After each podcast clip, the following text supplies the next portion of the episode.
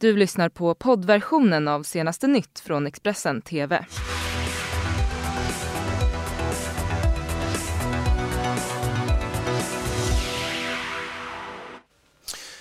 Välkomna till senaste nytt eh, söndagen den 15 september med mig Anton Gymark. Det här är våra topprubriker.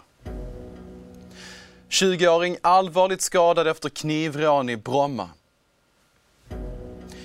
Klimatförhandlingarna i Madrid i fortsatt dödläge. Nu ska länderna försöka enas i sista sekunden.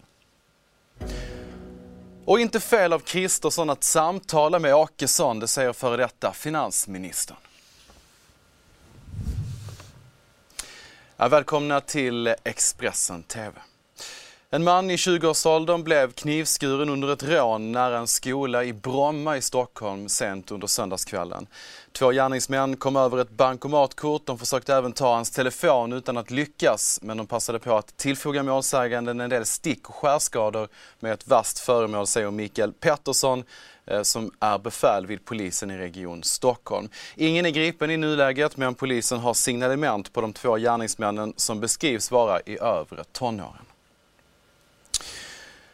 I ett antal klimatfrågor så pressar statsminister Stefan Löfven både från höger och vänster. För Expressen så berättar S-ledaren att eh, hur, eh, och statsministern hur vanliga svenskar som Greta hur vanliga svenskar såväl som Greta Thunberg ska involveras i framtidsprojektet som han kallar klimatomställningen. Ja, jag har ju pratat med de här små länderna. Vi gjorde det inför inför diskussionen om Parisavtalet också eftersom Sverige är en stor givare i den gröna klimatfonden. Vi var, vi var störst och vi ska ändå fördubbla utav det Det är signalen till de här länderna att vi, vi förstår verkligen vilken ni eh, kan bli utsatta för. Eh, men det är ju ett besked att ja, om det, om det är så att vi inte gör tillräckligt mycket då kommer vi att få människor som måste fly. Eh, därför att de kan inte leva kvar där de, där de har bott och där de är uppväxt och har bott i generationer. Deras land kommer att vara under vatten. Och det är ett gott skäl, tycker jag, nog för alla att eh, förstå att vi måste göra eh, det vi kan göra. Vi ska göra det på ett sådant sätt så alla kan vara med i framtidsprojektet. Jag är helt övertygad om att vi klarar det. Men också så till de här som nu tvivlar eller till och med de som förnekar Eh, så är mitt budskap att ja, eh, om nu eh, åtminstone 90 procent av vetenskapen och forskningen säger att så här är fallet faktiskt och så här kan det bli. Om ni då tror att ni är smartare så får ni väl tro det då. Men resten av oss tänker faktiskt lyssna på forskningen och göra det vi kan. Det är en helt, helt galen arbetsmiljö som råder i Region Stockholm. Det säger de som deltog i manifestationen mot neddragningarna inom Stockholms sjukvård. Storvarsel och omorganisationer blev droppen som fick bägaren att rinna över. Det skriver man på Facebookgruppen Stockholms sjukvårdsuppror. Den består av sjukvårdspersonal som vill visa missnöje över de beslut, varsel och organisationsförändringar som enligt dem kommer att skapa patientosäkerhet. Först blev man kanske ganska uppgiven och sen skulle jag väl säga att jag blev rätt förbannad faktiskt. Eh, jag känner att under de tio senaste åren som jag har jobbat inom akutsjukvården i Stockholm så har eh, arbetsmiljön försämrats, eh, patientsäkerheten har liksom hotad på regelbunden basis och vi har inte resurser och vårdplatser öppna för de allra sjukaste patienterna. Och eh, för mig handlar det om att man ska vi måste kräva av politikerna att vi följer hälso och sjukvårdslagen och i den så står att den med störst behov ska få tillgång till vården i första hand. Generellt sett så kommer det att påverka yrkeskåren som läkare. Ehm, arbetssituationen i Stockholms läns landsting kommer att påverkas och eh, patienter som är eh, kopplade till de andra sjukhusen där det varslas kommer ju bli påverkade och det kommer ju indirekt påverka de patienterna som kommer till oss. Men vad känner du när du tänker på eh, att, att eh, de här varslen har lagts? Jag tycker att det är dåliga beslut och jag tycker politikerna som sitter vid makten borde eh, bytas ut. För de har inte skött sitt jobb och sköter man inte sitt jobb tycker jag att man ska få sparken. Inte om man sköter sitt jobb, då ska man inte få sparken. Tycker att det är helt galet. Med den arbetsmiljö som redan råder i Stockholmsregionen så tycker jag det är helt galet. Mm. Vad tänkte du när du hörde det här? Jag tänkte att det är, jag blev inte förvånad med tanke på hur eh, den ekonomiska styrningen har skett i Stockholmsregionen de senaste åren. Men man blir helt fruktansvärt arg, blir man. Det är för långt bort ifrån, eh, eh, alltså styrningen är för långt bort ifrån. Och, de har ingen aning om vad folk gör på sitt arbete inom vården på dagarna och hur pressat det är. Och eh, vad tror du det här kommer innebära för din yrkeskår?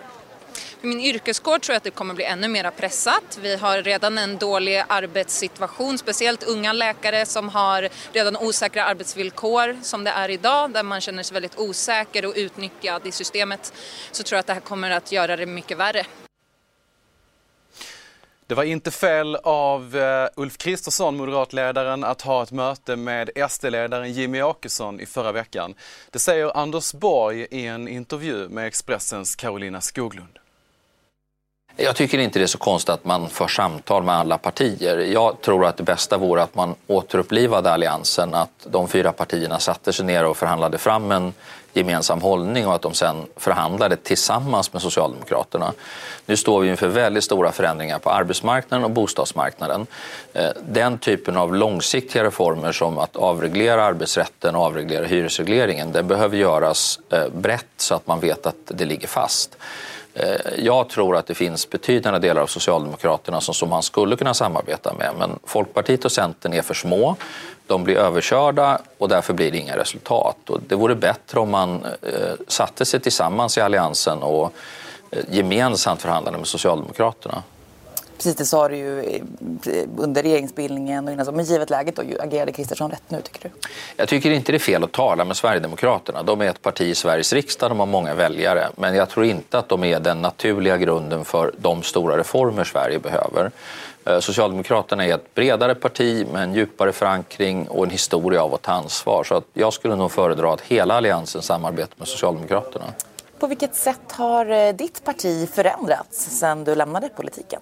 Ja, partier ska ju alltid förändras eh, och det har ju varit helt andra frågor, inte minst invandringen som har stått i fokus sen jag lämnade politiken. Så att, eh, eh, jag vill inte recensera dem, men, men jag tror att det bästa vore ett, ett bredare samarbete och, och rejäla förhandlingar om de tunga strukturreformer som Sverige behöver. Vi ska utrikes en stund nu. Demokraten Jeff Van Drew har ända från början varit emot riksrättsprocessen som USAs president, mot USAs president Donald Trump. Nu tänker han byta parti och hoppa över till Republikanerna, det uppger källor till Politico. I september var Drew eh, en av endast två demokrater som röstade emot att inleda riksrättsprocessen. Den eh, snart före detta demokratens partibyte väntas dock inte påverka onsdagens omröstning om ett riksrättsåtal i senaten. Strax efter midnatt så kallades, kallade Chiles miljöminister Carolina Schmidt till pressträff för att uppdatera om läget i förhandlingarna i COP25. Och det var en vädjan till de samlade länderna att enas i absolut sista sekund. I hope that all oh, the hard work that we have been doing during these two whole weeks is worth it only if we have an ambitious result. I count on you to get a consensus. This is the only way we can have this result. Thank you. Thank you for all the late hours. I know that we are very tired and know that most of you haven't slept. But we need this final effort in order to accomplish the goal that brought us all here. Thank you. Vi ska gå till sportens värld nu och kan berätta att nykomlingen 20-åriga Linn Svan stod för en jätteskräll i sprinten i Davos och tog hem segern före favoriterna. Ja, jag har inte varit på en världscuppall tidigare. Det är lite annorlunda än när man kör någon bondtävling och bara ska upp och hämta en pokal. Men du, vad var det som hände idag? Nej, jag, eh, som sagt så är jag ganska vinnarskalle och jag hade, jag hade ett outtalat mål i år. Eller två. Det var att vinna en distanstävling, det checkade jag förra året, och vinna en världscup. Och, ja, jag har inte vågat sagt det högt för det kan verka så himla oödmjukt men nu när jag ändå lyckades med det så Ja, det är häftigt. Ja, men alltså i din debut också, vad säger man om det? Ja, det, det finns mer att köra om i alla fall så jag hoppas inte det här är, jag har inte pikat i alla fall. Underbart! Eh, du, kan du berätta lite om finalloppet? Ja, jag eh, kände att jag eh, gjorde en dålig prolog först så jag var jäkligt revanschsugen inför heaten och tänkte att ja, men jag ska ta ett hit i taget men försöka att samla så mycket kraft inför en eventuell final som jag hade som mål att ta mig till. Och eh, i finalen kände jag att så länge jag har, jag ska markera min plats i, eh, i fältet och vara ganska långt fram men inte dra någonting. Och sen släppa lös allt vad jag har i kroppen sista backen. Och det, det blev... Eh, det blev en seger, så att eh, vinnarskallen är nöjd. Du, vad säger du om att eh, Falla trodde att det var Stina som vann? Ja, det är väl kanske inte den värsta att bli ihopblandad med, så ja. Men en grej var, på tv-bilderna så såg det ut som att det var du som kro krokade i Jonna. Eh, Ja, vet du vi var väldigt tajt där och eh, jag vet jag har inte sett några filmer men eh, det var onödigt att hon ramlade. Jag vet inte vems fel det var eller något sånt där utan jag försökte bara markera min plats och eh, ta ryggen på falla. Så Men hur går vi vidare från det här nu då? nu ska jag nog göra bra grejer idag och eh, vara nöjd med den prestationen jag har gjort idag så får vi ta det därifrån. Men mycket energi in och eh, ja, det blir nog en lång dag här tror jag. Mm, en glad eh, Linn Svahn där såklart, med all rätta efter den här segern i Davos. Eh, man kunde även ana lite snö på taket där bakom såg jag, säkert på banan också. Vi eh, börjar närma oss jul, men här i Stockholm och runt om i landet så lyser snön i alla fall ganska mycket med sin frånvaro just nu. Men samtidigt så klass 1-varnar SMHI för kraftigt snöfall i Västerbotten och Västernorrlands län. Så att det är lite olika besked runt om i landet och vi frågade meteorolog Tora Thomasdottir om hur chanserna ser ut för en vit jul i landet. Ja, men nu har vi en period med riktigt milt väder framför oss. Det regnar, jag är i Uppsala, ni kan se bakom mig hur grått det är. Och det är duggregn som gäller på de flesta håll i landet. Men blickar vi längre norrut så är det faktiskt snö som gäller. Och då kommer det faktiskt också kunna komma upp mot ett par decimeter om man ser till Norrlandskusten under dagen imorgon, alltså söndag. Så där kan man absolut se fram emot en vit jul. Men längre söderut i landet, stora delar av Svealand, men även Götaland får nog leva med en ganska grå jul. Så det är framförallt då i de norra delarna man kan få snö. Det är den, det är den prognosen vi ska lita till nu då? Precis, eftersom att det är lite mildare än vad det brukar vara, eller kanske ganska mycket mildare till och med, så är det inte en vit jul som vi har framför oss. Men det är över en vecka kvar till julafton. Det är till och med tror jag, 11 dagar och då kan det hända ganska mycket i väderprognosen. Så det finns ju potential.